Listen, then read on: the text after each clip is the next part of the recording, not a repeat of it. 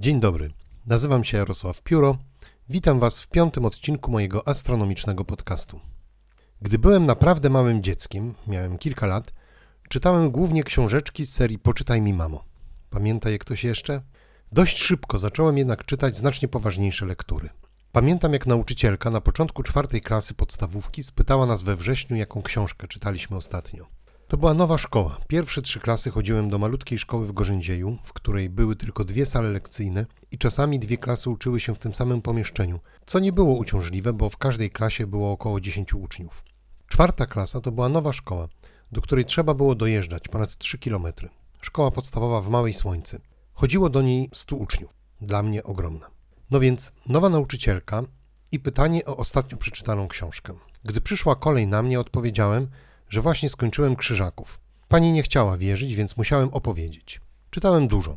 Książki podróżnicze, na przykład Centkiewiczów, przygodowe, na przykład Szklarskiego i w pewnym momencie natrafiłem na science fiction. I to było jak objawienie. Wreszcie odpowiedni pokarm dla mojej wygłodniałej wyobraźni. Aż sam zacząłem coś nieporadnie skrobać w ten deseń. Jednym z moich ulubionych autorów był Stanisław Lem. Przeczytałem prawie wszystko, co napisał. Nie wszystko udało się przeczytać za pierwszym razem. Do niektórych pozycji musiałem dojrzeć. Tak było na przykład z Maską, której nie dałem rady w wieku 19 lat, a cztery lata później pochłonąłem, zafascynowany w godzinę, czy z głosem Pana, który również doceniłem dosyć późno, a dziś uważam za jedną z najważniejszych książek Lema i chyba najczęściej przywołuję podczas swoich wykładów. Najbardziej zaczytaną książką były bajki robotów. Małe, tanie wydanie w białej okładce. Do pewnego momentu liczyłem, ile razy je czytałem. Zgubiłem rachubę po trzynastej lekturze. A teraz chciałbym przywołać inne jego opowiadanie, pochodzące z opowieści o pilocie Pirksie. Pilocie statków kosmicznych ma się rozumieć. Opowiadanie nosi najbardziej chyba banalny tytuł, jaki można wymyślić. Opowiadanie Pirksa. W czasie jednego z rejsów po obrzeżach Układu Słonecznego bohater natrafia na obiekt spoza naszego układu, który okazuje się być wrakiem statku obcych. Gorączkowo próbuje udokumentować to spotkanie, zarejestrować trajektorię statku. Niestety wszystkie działania kończą się niepowodzeniem. Najbardziej niezwykły gość w historii świata umyka w zimną pustkę przestrzeni międzygwiezdnej, pozostawiając Pirksa jako jedynego świadka tego spotkania. Opowiadanie jest bardzo smutne.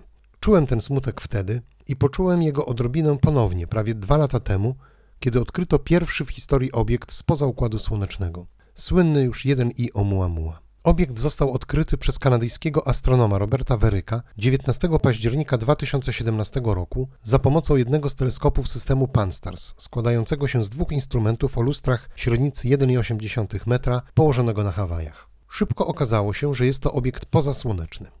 Skąd wiemy takie rzeczy? Decydującą kwestią jest prędkość, z jaką porusza się obiekt. Jeśli będziemy na podłogę upuszczać jakiś przedmiot z różnej wysokości, to z im większej wysokości go upuścimy, tym większą prędkość będzie miał w momencie uderzenia o podłogę. Mierząc tę prędkość, moglibyśmy więc obliczyć wysokość, z której upuszczono dany przedmiot. Przy powierzchni Ziemi sprawa komplikuje się ze względu na atmosferę. Piórko czy liść będą spadały powoli, znacznie wolniej niż np. metalowa kulka. Astronomowie mają jednak łatwiej. Przestrzeń kosmiczna to próżnia, doskonalsza od tej w ziemskich laboratoriach i o kwestiach aerodynamicznych pamiętać nie trzeba. Ciała wewnątrz Układu Słonecznego poruszają się głównie pod wpływem siły przyciągania Słońca. Można rzec, że spadają na Słońce. Prędkość tego ruchu zależy od odległości od Słońca i nie zależy zupełnie od masy obiektu. Ziemia okrąża Słońce z prędkością 30 km na sekundę. Gdybyśmy zamiast Ziemi umieścili na jej orbicie Jowisza, to jego prędkość okrążania Słońca byłaby ta sama. Kiedy zauważono Oumuamuę, to oddalała się już od Słońca przeszła przez peryhelium, czyli punkt swojej orbity położony najbliżej naszej gwiazdy, ponad miesiąc wcześniej i oddalała się już zarówno od Słońca, jak i Ziemi. W momencie jej odkrycia była oddalona od Słońca o 180 milionów kilometrów, a od Ziemi o 30 milionów kilometrów. Gdybyśmy wzięli jakiś obiekt, umieścili na krańcach Układu Słonecznego i lekko popchnęli w kierunku Słońca, to w takim punkcie orbity, w jakim była wtedy Oumuamua, rozpędziłby się do prędkości około 25 km na sekundę. Tymczasem w chwili odkrycia Oumuamua poruszała się z prędkością 46 km na sekundę. Z tak dużą prędkością, a więc również energią kinetyczną, będzie w stanie opuścić Układ Słoneczny i odlecieć w stronę innych gwiazd.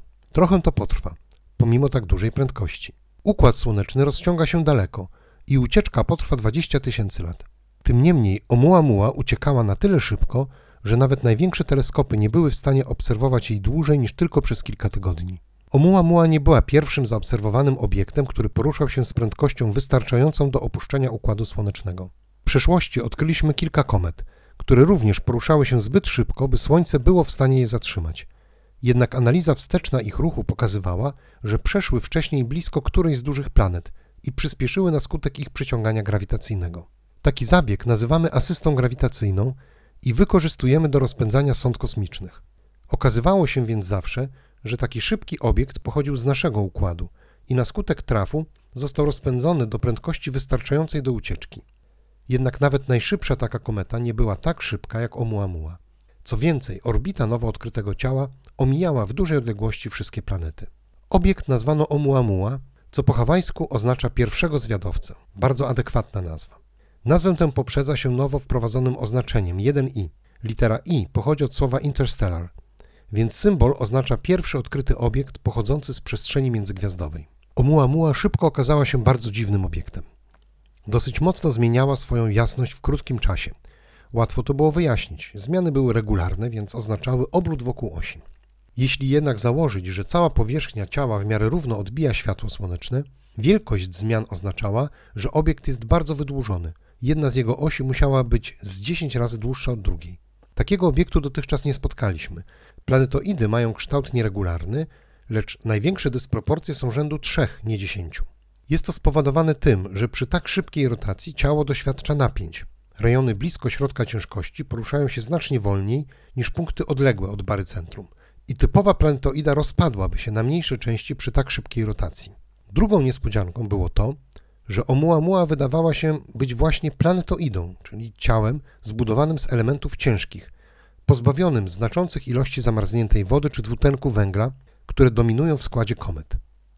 Skąd o tym wiemy? W odległości 180 milionów kilometrów od Słońca, w której odkryto Oumuamuę, zamarznięty dwutlenek węgla powinien parować, tworząc otoczkę gazową wokół ciała, uwalniając również zamarznięte w nim drobinki pyłu skalnego, które tworzyłyby otoczkę pyłową. Te otoczki powinny rozpraszać światło słoneczne i być widoczne w teleskopie. Powinny też powodować spadek jasności gwiazd tła, obok których poruszała się na zdjęciach Oumuamua. Co więcej, takie parowanie byłoby nierównomierne. Powinno więc spowodować mierzalne nieregularności w okresie obrotu, a więc zmian blasku obiektu. Nic takiego nie zauważono, więc ciało sklasyfikowano jako planetoidę. Tu mała dygresja. W literaturze anglojęzycznej używa się słowa asteroid, tłumaczonego na polski jako asteroida. Oba słowa są synonimami, jak ziemniak i kartofel. Słowo planetoida jest jednak poprawniejsze językowo. Oznacza, że obiekt, z którym mamy do czynienia, jest podobny do planety. Asteroida oznacza obiekt podobny do gwiazdy. Wizualnie na zdjęciach nie ma wielkiej różnicy, jednak jeśli chodzi o naturę obiektu, to planetoidą znacznie bliżej do planet niż do gwiazd. Wróćmy do naszej Oumuamuły. Co dziwnego w tym, że okazało się, że nie jest kometą, lecz planetoidą. Otóż szacowana liczba planetoid w naszym układzie planetarnym jest jakieś 100 razy mniejsza od szacowanej liczby komet. Jak już mówiłem wcześniej, odkryliśmy dotychczas garść komet, które pochodziły z naszego układu, ale zostaną z niego wyrzucone. Nie odkryliśmy dotychczas żadnej takiej planetoidy. Jeśli inne układy planetarne przypominają nasz, a wydaje się, że tak z reguły być powinno, to sądząc z samej obfitości obiektów, zwiadowca na 99% powinien być kometą, a nie planetoidą. To jednak nie wszystko. Planetoidy w Układzie Słonecznym występują głównie w tzw. Tak pasie Kuipera, obszarze położonym za orbitą Neptuna. Komety pochodzą z tzw. Tak obłoku Orta, obszaru leżącego jeszcze dalej, poza pasem Kuipera. Ze względu na swoje położenie wobec gwiazdy macierzystej, komety powinny znacznie łatwiej uciekać niż planetoidy. No dobrze. Nie dość, że pierwszy gość to dodatkowo dziwnie wydłużony i nie taki, jakiego byśmy się spodziewali, kierując się statystyką. Czy może być coś dziwniejszego? Okazało się, że tak. Dokładna analiza orbity pokazała, że Oumuamua oddalając się od Słońca przyspiesza zamiast zwalniać. Wydaje się to wbrew fizyce. Oddalając się od Słońca zwiększa swoją energię potencjalną, normalnie kosztem energii kinetycznej, czyli prędkości właśnie. No chyba, że energia jest jej dostarczana z zewnątrz. Źródłem tej energii może być ciśnienie światła słonecznego. Jednak Oumuamua musiałaby być bardzo lekka, wręcz pusta w środku, by uzyskać z tego powodu zmierzone przyspieszenie. Innym źródłem przyspieszenia mógłby być efekt odrzutu. Na skutek podgrzewania powierzchni planetoidy parujący dwutlenek węgla uciekałby właśnie od strony dosłonecznej w kierunku Słońca. i na podstawie trzeciej zasady dynamiki Newtona odpychałby planetoidę w kierunku odsłonecznym. Tylko, jak powiedziałem, żadnej otoczki gazowej wokół obiektu nie zarejestrowaliśmy. To co? Statek obcych? Na pewno bardzo dziwny obiekt. Stanęło na tym, że to mała, wyjątkowo gęsta skałka, w gruncie rzeczy stara kometa, która już prawie całkowicie wyparowała, ale coś tam jeszcze miała. Za mało by to dostrzec, ale wystarczająco by przyspieszać. Trochę grubymi nićmi to wszystko szyte, ale co zrobić? No najlepiej ją dogonić i sfotografować z bliska. Jednak okazuje się, że nie mamy takich technologii. Żadna rakieta nośna nie byłaby w stanie wynieść satelity z taką prędkością, by był w stanie dogonić Oumuamua. Co więcej, takiego satelitę trzeba byłoby najpierw zaprojektować, potem zbudować, dać mu źródło energii, by przetrwał podróż, a po dogonieniu cholerstwa zrobić mu zdjęcia i nadać wystarczająco mocno, by dotarły do Ziemi. No i pytanie, jak znaleźć taką małą kruszynę w ogromnym kosmosie? I kto miałby dać na to pieniądze? Oczywiście sytuacja może się zmienić w przyszłości wraz z pojawieniem się zupełnie nowych technologii. Szum wokół Oumuamuły zdążył ucichnąć, a tu nagle mamy drugiego gościa za światów. 30 sierpnia astronom amator Gennadij Borysow za pomocą własnoręcznie zbudowanego teleskopu o średnicy lustra 65 cm zarejestrował nieznany dotychczas obiekt. Borysow pracuje jako inżynier w Instytucie Astronomii Uniwersytetu Moskiewskiego i wcześniej odkrył wiele komet i planetoid. Tym razem trafił mu się obiekt wyjątkowy. Z pierwszych obliczeń orbity, które przeprowadził sam, wyszło, że obiekt może być na potencjalnie kolizyjnym kursie z Ziemią. Jednocześnie dostrzegł, że obiekt na zdjęciach jest rozmyty, jest więc kometą, a nie planetoidą. Po zebraniu większej ilości danych o trajektorii nowo odkrytego ciała, okazało się jednak, że jest to obiekt pochodzący z przestrzeni międzygwiazdowej. W określeniu dokładnych parametrów orbity dużą rolę odegrali polscy astronomowie z Uniwersytetu Jagiellońskiego. Obecne dane wskazują, że nadwyżka prędkości dla komety C 2019 Q4 Borysow jest jeszcze większa niż dla Oumuamua. Mamy też do czynienia ze znacznie większym obiektem.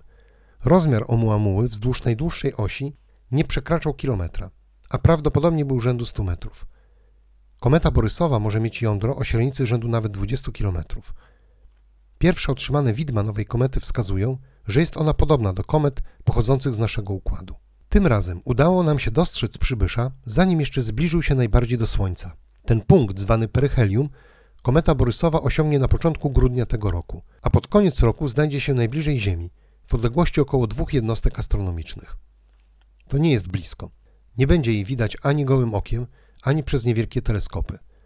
Jednak większe teleskopy amatorskie, zaopatrzone w odpowiednie kamery czy aparaty fotograficzne, bez problemu będą w stanie ją zarejestrować. Mamy więc ładnych kilka miesięcy na obserwację tego niezwykłego gościa. Wydaje się, że wszechświat zrozumiał swój błąd i zamiast dziwaka, którym niewątpliwie była Oumuamua, przysłał nam tym razem coś, na co jako ludzkość jesteśmy bardziej gotowi. Niestety, względnie wczesne odkrycie komety i tak nie pozwala na wysłanie misji, która byłaby w stanie dotrzeć na spotkanie z pędzącym ciałem. Temat jednak został podjęty i wydaje się możliwe, że w ciągu najbliższych 10 lat powstanie coś w rodzaju systemu przechwytującego, gotowego w każdej chwili do wystrzelenia satelity oraz rakiety nośnej wystarczająco potężnej, by wynieść go z odpowiednią prędkością.